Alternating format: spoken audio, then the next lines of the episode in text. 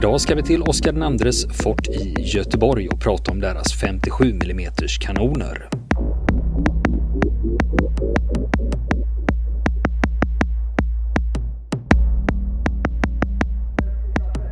Idag är det den 6 juni 2017 och det är nationaldagsfirande på Oscar IIs fort i Göteborg. De bjuder på flera olika typer av uppvisningar och utställningar och bland annat ska de skjuta salut med sina 15,2 cm kanoner och även med sina 57 mm kanoner. De här 57 mm kanonerna de är nymonterade, eller ja, ska man säga återmonterade. Divisionschefen för fortet, Claes Tillander, han berättar historien om 57orna. Ja, det var ju så här att eh, någon gång i sent 50-tal, möjligtvis lite tidigare, så har man ju gjutit igen pjäsgroparna. Vi ser ju exakt var de har funnits någonstans. Eh, men det är ju ett lock som var gjutet över det hela. Problemet är ju att vi visste inte hur det såg ut under och vi kom inte heller in genom ingången på det där därför att det var säkerhetsgjutet så Hilti-maskinerna har jobbat intensivt för att komma igenom det här och inte lyckats fullt ut heller. Men sen, eh, så det, de här groparna de är alltså eh, gjorda för hand kan man säga. Man har plockat upp det här för hand. Men vi ser ju när vi är nere i eh, originalutrymmena eh, utrymmena för ammunition och annat sånt. Va? Så vi ser ju att vi är rätt och att vi får rätt höjd på pjäsen. Det är ju det stora problemet. För sen måste vi ju lyfta i en pjäs sen, Men alltså grundarbetet är ju enormt arbetsamt. Det har tagit jättelång tid och det har varit mycket folk involverat. Det är handkraft, 90 procent utav det. Fanns det någon dokumentation, ritningar, bilder och någonting när det att tillgå? Jo, alltså när det gäller pjäserna är det ju inga som helst problem. Eh, är, den enskilda pjäsgropen är lite svårare. Mycket är sparat. Vi har ju kolossalt mycket ritningar över detta. De var noga med det på den tiden. Men det framgår inte alla perspektiv i alla ritningar. Det kan ju vara någon ritning som är borta då som visar hur, hur, det, hur såg det ut eh, i en ingång till exempel, hur stort var valvet när man ska ta sig in i de här pjäserna? Det är jättestora valv in, så det är lite märkligt konstruktionsmässigt. Men, så vi har naturligtvis inte alla ritningar. Och eh, det finns säkert fotografier men de har vi inte hittat än. Så vi, det, det, är inget, ingen fotodokumentation. Och problemet är ju vi hittar ju ingen levande människa som har satt upp pjäsen. Vi har hittat människor som har rivit pjäsen, det är ju klart. Men de har ju ofta använt eh, skärbrännarmetoden och skurit av det de inte fick bort. Så där ligger det lite övrigt att önska. Eh, och sen var det ju så att när de plockade ner alltihop så visste de ju inte att det skulle öppnas igen. För då kunde de ha gjort lite annorlunda. Originalpjäserna, vad tog de vägen? Och det är så att det är originalet som är tillbaka nu. Det är så att de kom dit Kustartilleriet kom ju hit istället 1907 kan man säga. Och sen efterhand fylldes ju på med pjäser. Och det här är modell 99 så det man får ju tro att någon gång vid början på 1907 någonting så finns ju pjäsgroparna färdiga i alla fall. Och sen går det ju ett antal år när man bygger vidare och sådär. Sen 1939 så bestämmer man ju sig för att flytta alla pjäserna. Eh, den oinvigde tror ju ofta att det beror på att någonting blir omodernt, men så är det ju inte. Det blev något annat som blev hiskeligt modernt. Det vill säga, vi fick telefonen. Och vi fick möjlighet att prata med telefonledning som gick i vatten. Och då fanns det ju anledning att flytta upp eldobservatörerna, flytta ut dem i havsbandet för att så tidigt som möjligt nå fiender. Och sen den viktigaste delen som kommer, den kommer 1913 och det är att vi får möjlighet att kryssmäta. Vi får lodbas och inbasmätarna i den tidsperioden. Och det betyder ju att då finns det ju anledning att vara ute långt ut, titta för vi kan kryssmäta, vi kan göra si och så. Och då tittar man på var man ska sätta de här pjäserna och då hamnar eh, de, de här 57 nu som vi har satt upp nu, de hamnar på Stårholmen. Det ligger utanför Galterö. Eh, och det betyder att eh, de var ju till för att försvara mineringar ofta. Man, man kallar dem för snabbeldskanoner. Men det berodde ju på att det hade enhetsskott. Det var ju hylsa på de här. Så de sköt ju ganska snabbt. Eh, och då låg man dem för att försvara mot det eller snabbgående torpedbåtar eller någonting annat sånt. Eftersom de laddade om så snabbt. Så då ligger de på Stårholmen och så, ska, och så blir Stårholmen skjutfält så småningom. Så de är ju ganska mycket skottskador i de här pjäserna syns hur man har provskjutit ammunition på dem och sådär. Och sen skulle de rivas och tas bort och då fick vi dem tillbaka hit igen i förhoppning att sätta upp dem. Och vi har haft dem i fem, sex, sju år liggande för vi har inte haft resurser att sätta ner dem. Och sen satte vi ner en pjäs inledningsvis, det är nog tre, fyra år sedan. Och så fick vi möjlighet nu i höstas och under våren att sätta upp två till. Men när man får hit pjäserna och tittar hur fästena ser ut, kan det ge en ledtråd till, till hur det har sett ut i brunnarna på något Nej, sätt? inte alls. Inte något. Därför att pjäsen är homogen, alltså den är ihopskruvad för sig. Du skulle lika gärna kunna plocka ihop den pjäsen och ställa den vid sidan. Att den sen står i en brunn. Sen får ju brunnen ett lock kan man säga då, alltså som tätar kupolen på en kanon mot ytan. Och det är, det är ju förpansar kallas ju det. Och det är ju i det här fallet tre stycken förpansarsköldar.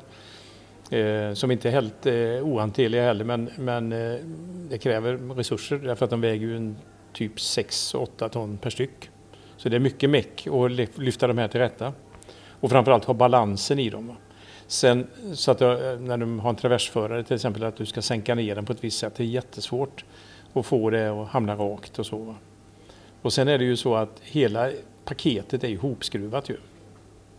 Men om du tänker att muttrar väger typ 25 kilo styck och skruvarna ligger väl på 30-35 kilo i vissa fall. Och så ska du dra ihop det här för handkraft och då ska man ju tänka sig okej, okay, det finns ju inga moderna verktyg som passar det där och, och de gamla det är ju fasta nycklar. Och det, det innebär att den fasta nyckeln väger ju också 30-35 kilo. Så det är ju inget du springer alltså det, det, det är svårhanterligt helt enkelt. Var får man tag på den typen av verktyg? Ja, vi har allting. Alltså verktyg, verktyg är inga problem, kanoner är inget problem. Utan problemet är ju att det har gått många år nu sedan de sköt sist, senast. Nu ska vi skjuta med dem idag. Så nu kommer det ju bli lite kvitto på vad som är gjort hittills och vad vi behöver göra sen. Så enkelt är det ju. Så det är lite spännande här nu om en timme ungefär då. Så får vi se hur det funkar. Hur gick det att frakta hit dem från skärgården när det gäller sådana vikter?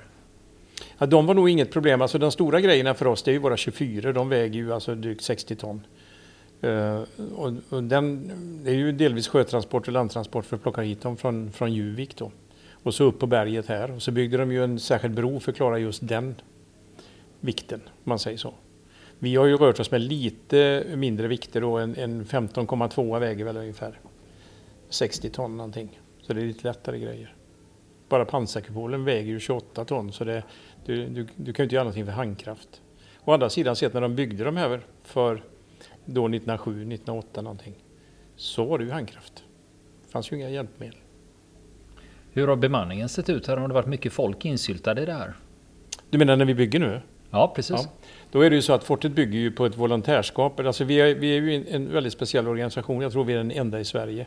Och det är det att vi bemannar 1914 års bemannings... Alltså rulla kan man säga. Och eh, de funktioner som finns i den rullan, det är de vi jobbar med. Och så fyller vi den efterhand. Och då är alla, alla volontärer, skulle det vara så att man skulle betala för den här tjänsten, alltså någon hade, hade lön för att göra det här, så skulle det ju inte funka. Det, det är alltså alldeles för liten budget för det. Då skulle staten behöva skjuta till rätt många miljoner.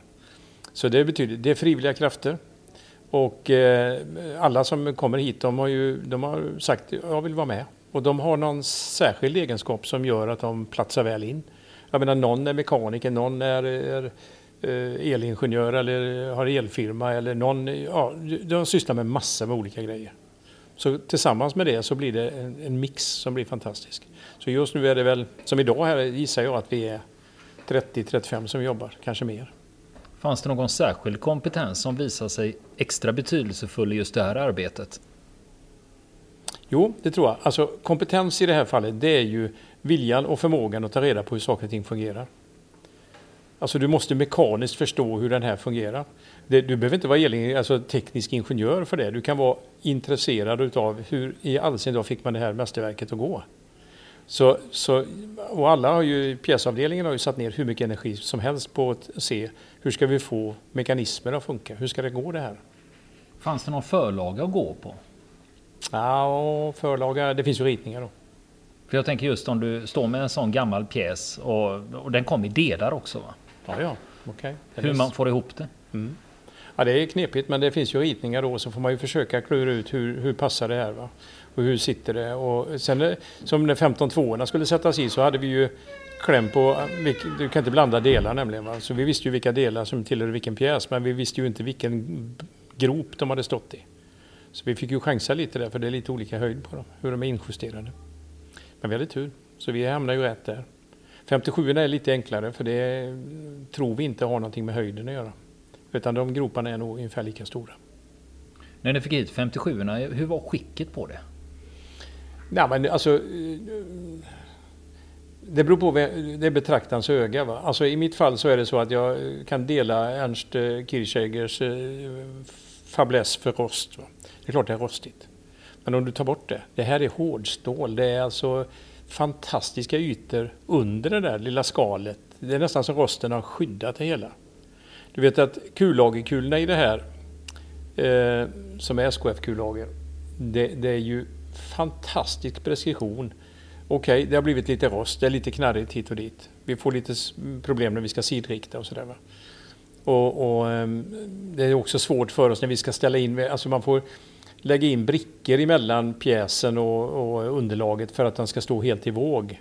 Och då måste du lyfta hela kanonen igen och det är tveksamt om vi gör så det är möjligt att vi får begränsa den i sidriktning då. Alltså vi kanske inte manövrerar den horisonten runt till exempel.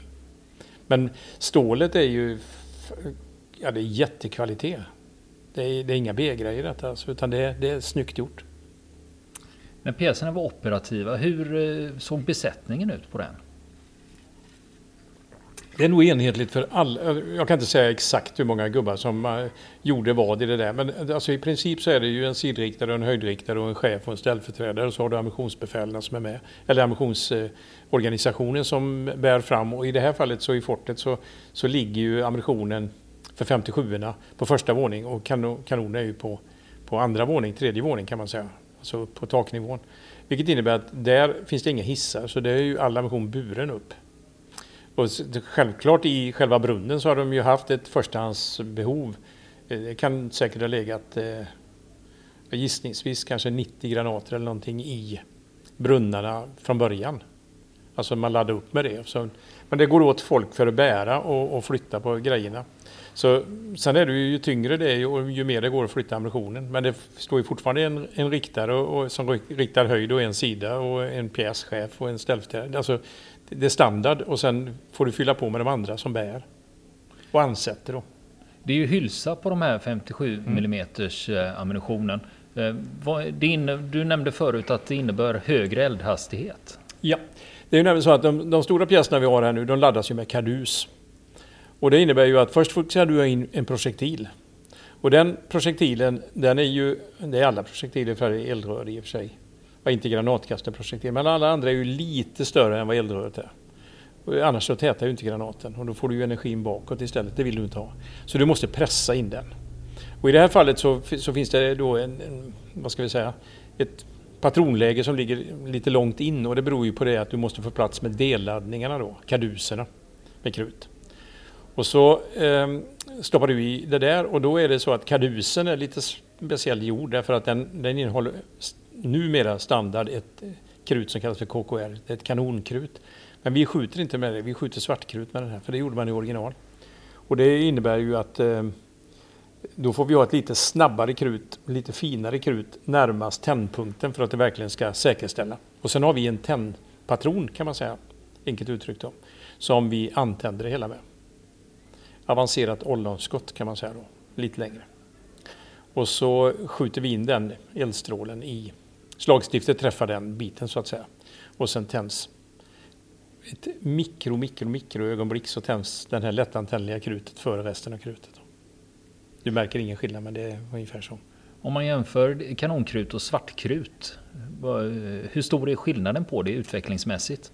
Ja, det är nog eh, svartkrutet är lite lurigt att hantera. Alltså dammbildningen på svartkrutet är inte så lent och man måste ha ganska hög procent med luftfuktighet när man laddar och sådär. KKR-krutet är ju grövre. Men det är samtidigt det är en annan konsistens på det. Så ska vi, vi tar ett exempel. Om vi skulle skjuta på en förevisning här, skjuta KKR istället för svartkrut. Så kommer den oinvigda publiken, den som tror och förväntar sig att ett kanonskott låter på ett speciellt sätt. Skjuter vi KKR-krutet så kommer de bli lite besvikna för det är mycket för snabbt krut. Alltså det är en mycket, mycket snabbare brisad och du ser den inte. Vi vill ju att publiken ska uppleva ett rökmoln och de ska se det. Det ska vara lite teater också. De ska verkligen känna att skottet går men de ska också se att skottet går. Och det gör vi bara med svartkrutet. Det går inte med KKR-krutet. Det är för snabbt. Det blir en mycket snabbare smäll då. Men så ser det ut eh, om man tittar på även på eh, finkalibriga vapen att man har gått åt en utveckling att man vill inte ha rökpuffar från krutet nej, utan det ska helst inte stynas någon mm. mynningsflamma och ingen, ingen rökboll. Mm. Vi har, nej, det är sant. Och vi har ju en liten, liten eh, vad ska vi säga, en helt annan approach. Va? Vi vill ju att publiken ska se skottet. Men i fältmässigt så vill man ju inte det. Därför använder man ju inte svartkrut heller. Så enkelt är det ju. När ni höll på här, eh, ni, när du pratar om de här otroliga vikterna som man ska flytta på, vad är det för typ av utrustning man har då? Är det kranbilar? Det är bara kranbilar och problemet som vi hade när vi skulle sätta upp de här, det var ju kranarmslängden då, alltså hur nära kan kranen stå? Eh, alltså vi körde ju inte ut dem på, på fortet, utan krama, kranarmen var ju tvungen till eh, räcka ända inifrån på andra sidan vår vallgrav då. Det har ju sina sidor då därför att belastningen längst ut på en kranarm är ju väldigt stor. Vi kunde kanske ha kört över kranbilarna men det är ju så att bron som ska ta dem, det är ju en krigsbro 4 kan man säga. Så att, och det går ju med stridsvagnar men det är klart att du ska få en eh, civil förare utan kranbil som väger bra nära gränsen för vad bron klarar och så ska den köra ut på den sviktande för att köra över. Och till ingen nytta då för vi kanske krasar sönder mer av ytan uppe på fortet. Det ligger ju betong, betongskikt fortfarande kvar på vissa delar och så. Så därför måste vi ha en kranarm som räcker ända in. Så då var det riktigt kraftiga maskiner för att lyfta det. För varje sånt där lyfter, det, alltså det glider lätt upp i, i typ eh, 15-20 ton i ytterändan. Så det går inte med vad som helst. Och handkraft är inte till att tänka på. Alltså. Utan då får man ju, det svåra är ju när man lyfter i det att vi måste ha en viss ordning på att lyfta i det. Du kan inte göra fel för då får du inte ihop pjäsen. Det är jätteenkelt teoretiskt. Så, men det är mycket, mycket svårare i praktiken eftersom vi har ju ingen här med kunskap som har satt upp en sån kanon förut. Utan det, det här gäller ju mycket funderingar på hur har man gjort. Och då visade det sig att våra funderingar stämde ju då eftersom vi har fått ihop pjäserna. Det är så det är. De står ju där. Jag har en följdfråga till. Ni nämnde ju det att man har hylsammunition till 57orna. Eh, när man pratar om den eh, operativa eldhastigheten, vad hamnar man på då ungefär? Ja, det är oerhört snabbt. Alltså, jag kan inte säga det. Men det, det alltså, du vet, det, det, det är en, en vertikalkil som åker rakt ner och rakt upp. Och när du matar ut skottet så, så slängs skott, alltså hylsan ut och du ska in med en ny. Och du har en ganska kort ansättare för att trycka in den. Och så stängs kilen och så skjuter du nästa. Det är nästan så att tiden är inte snabbare än för kanonen för den är, den är ju enormt hög utan det är ju vad gör riktaren under tiden. Alltså hur fort rör sig målet? Hur liksom, ska du följa med? Och det här är ju sjömål då så att det spelar nog ingen roll om de hade kört i vad kunde man gjort på första världskriget tid 15 knop, 20 knop någonting så hade ju kanon hängt med. Det hade, det hade, de hade ju inte haft någon svårighet för det alltså. Sen tror jag också då på, alltså jag tror, jag måste säga så därför att reglementariskt så är det lite svårt att belägga det men det, det ser ut som att man har försökt att få väldigt låga träffar. Alltså så nära vattenlinjen träff som möjligt för att få så stor effekt som möjligt. Så skjutit så lågt som möjligt på målet. Det ser ut så när man funderar, alltså tittar lite grann på var de skjutit och hur de skjuter på målen. Men jag har inte hundra belägg för det så det, det måste man ju forska mer på. Då. Vad är det för räckvidd på en sån pjäs? Ja, det beror lite grann på. I det här fallet så är det ju så att de här kanonerna som vi har, de ska ju försvara mineringarna i främsta rum och de ligger ju i direkt anslutning till fortet. Och sen är det ju rakt över Göta älv då eller, eller fjorden in här. Så man brukar ju säga så här att den går lika långt i hektometer som kaliber i centimeter. Så det finns väl anledning att tro då att ett maxskjutavstånd på 5 kilometer är fullt möjligt. Men Eh, det finns ju ingen anledning att ligga på maxskjutavstånd och köpa. Då, då kanske man riktar på två tredjedels av, av max då. Eller någonting sånt. Det tror jag inte den har några svårigheter. Men i det här fallet så pratar vi inte många hundra meter. Du ser ju själv hur, hur fjorden ser ut här när Göta älv börjar. Det är inte stora avstånd.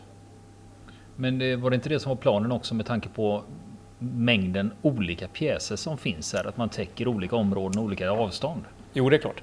Och det, skulle du skjuta, försöka skjuta 24, vi säger att det kommer något mindre mål och så ska du, som går relativt snabbt och så ska du hänga med med en 24 och rikta den. Eh, alltså det är lite Ove Kill-effekt på något sätt. Alltså det, det, det funkar inte riktigt. Va? Utan det vill du ha ett längre skjutavstånd till. Och dessutom så är våra 24 det är ju de som har minst skott eller skjutområde kan man säga. För den är ju begränsad av att kanonen är så lång bakom själva bakstycket. Därför att laddningsbryggorna sitter fast där. Så den är ju flera meter bakom pjäsen som vi inte kan se idag för vi har inte rekonstruerat dem.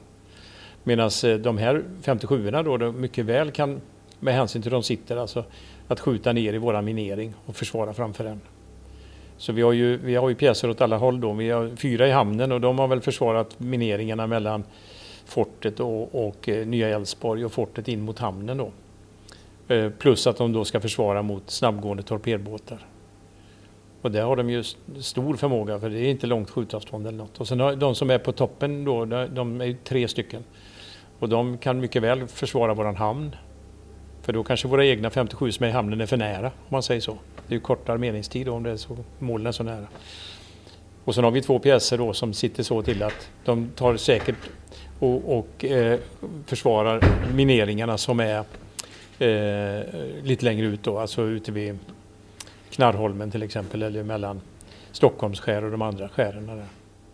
Så de är, det, det, är väl tänkt hur man ska använda dem. Sen att vi har olika kalibrer, vi har ju 15 tvåorna också men det, det, är ju så att vi skulle haft fyra 24 Men så kommer 15 tvåorna i pansartorn att bli friställda så vi kunde ta dem. Och då innebär det att vi kan ju skjuta horisonten runt med dem. Det kan vi inte göra med 24 Så de har inga begränsningar i sida. Så det blev, trots att de pjäserna är äldre så blev det ändå modernisering kan man säga. Nu står vi uppe på gässan. Vad är det vi ser för något? Ja, nu tittar vi på en 57 då som 57 mm kanon i pansartorn. Eh, ungefär 1899. Och eh, egentligen är det samma 57 mm kanon i grunden som vi har nere i hamnen fast de är i, i eh, ett kassemattlavetage där. Och här har vi dem i det här lavetaget. Fördelen med det här är ju att vi kan rikta horisonten runt. Eh, 360 grader, ja inte riktigt. Som du ser så ligger det ju ett, eh, ett observationsvärn i vägen. Men då ska du veta det att det är byggt 1942. Så när pjäserna satts upp här i början på 1900 då finns inte det. Så då vi kan tänka bort det. För det begränsar ju skottvidden åt höger. Ja, för det sitter ju tre 57 här. Ja, det ska vara fyra. Men den fjärde ser du utanför fortet här. Den ligger ju fortfarande i sina delar. Vi ska få in den också men, men eh, det är betydligt mäckigare att få in den för den ska vara i södra delen. Är det delen. det som ligger där? Ja. Okej. Det är den fjärde. Så där har du alla delarna till en kanon.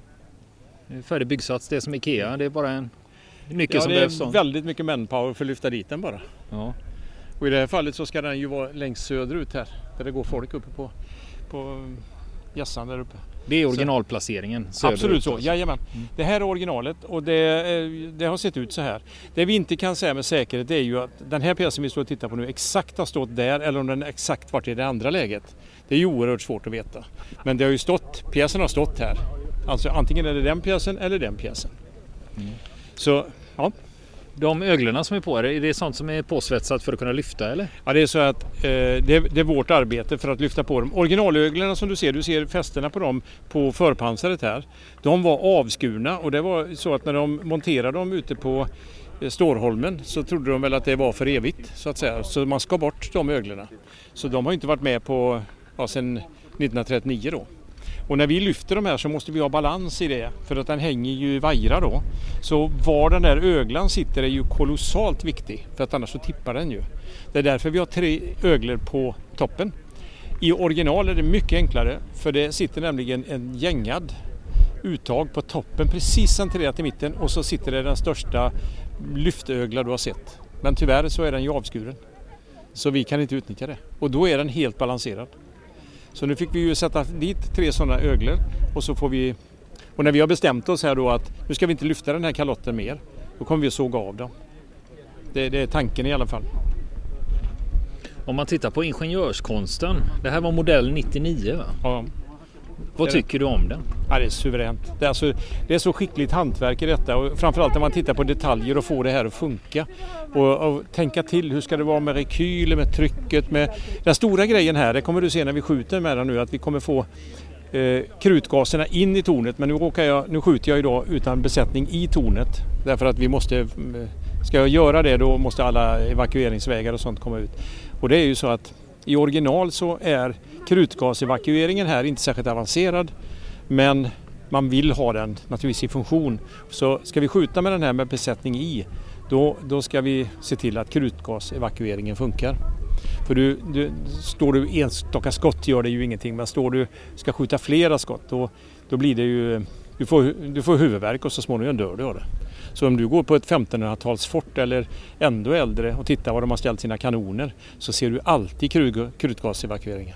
Överallt ligger uppe i takåsen någonstans i en kasematt eller det ser du på Varbergs fästning eller Marstrand eller vad som helst. Du måste få ut krutgasen. Den är helt dödlig. I volym alltså. Hur stora, hur stora koncentrationer tål man då? Ja, jag vet faktiskt inte men alltså, det är inte bra att stå i det. det är alltså, du måste få ut det. Du vet en ny pjäs som skjuter nu och våra 15-2 de, de sköt ju sista gången 2000 och, så då var de helt toppmoderna. Och det man gjorde innan man öppnade bakstycket på den så sköt man in tryckluft bakifrån. Du öppnade inte mekanismen alltså utan du sköt skottet, tryckte på, på avtryckaren för luften och så sköt du ut krutgaserna sen öppnade du och stoppade in i projektil. Det fanns två syften med det. Det ena var att få ut krutgaserna, det var jätteviktigt. Och det andra var ju att blåsa ut eventuellt om det ligger krutfragment som glöder. För stoppar du in en ny krutkadus då så, och det glöder så är ju inte det bra. På de gamla fartygen om du tar eh, Göteborg eller något annat sånt där ostindiefarare av någon sort eller så. Så vaskar de ju ofta med vatten för att släcka krutet. Så att det inte låg kvar och glödde för då small ju pjäsen. Så det, det, är jättekänsligt att hålla på med de delarna. Vet du. Men ingenjörsmässigt superjobb alltså. Det, det, och passformen där, nu, nu ser du att vi har lite gliper här och var på det här. Eh, så funkar det ju egentligen inte heller när det är helt ihopsatt. Du ser på pjäsen bortanför här så har vi en större glipa. Så de, de måste tryckas ihop mer. Men det kommer vi inte ha några problem med heller, men det är bara att vi har inte hunnit med det. Det tar ju tid att göra alla de här grejerna. Alltså. Mm. Men innan ni fick ut pjäsen, där vi står just nu, det var helt igengjutet här då? Ja. Med armerad betong? Ja, du ser ju fragmenten här och du mm. ser armeringen och det, alltså det är ett om man säger som gjutarbete, det är ju så mycket overkill i detta så det liknar ingenting. Alltså. Det, det kunde förmodligen tåla lättare kärnladdning eller något. Alltså. Det är enormt tjocka eh, lager med det här.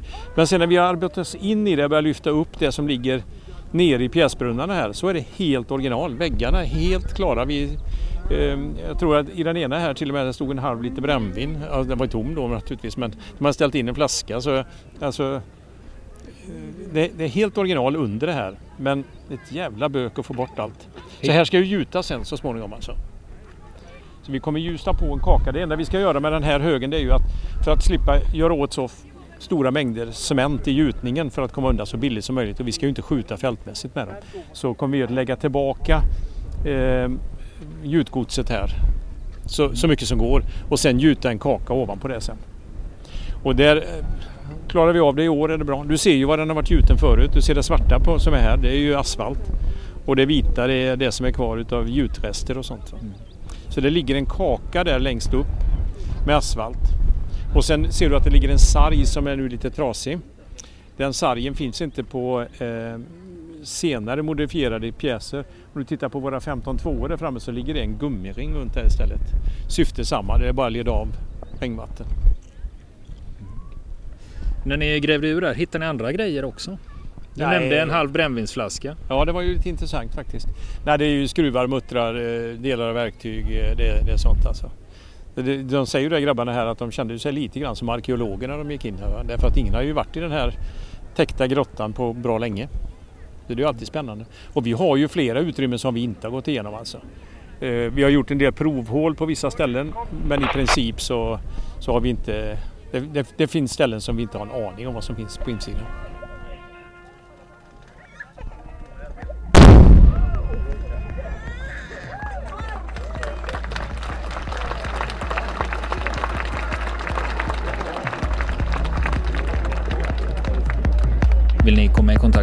Kan ni göra det via vår Facebook-sida som heter Fronten. Det är inga problem för er att leta er fram där.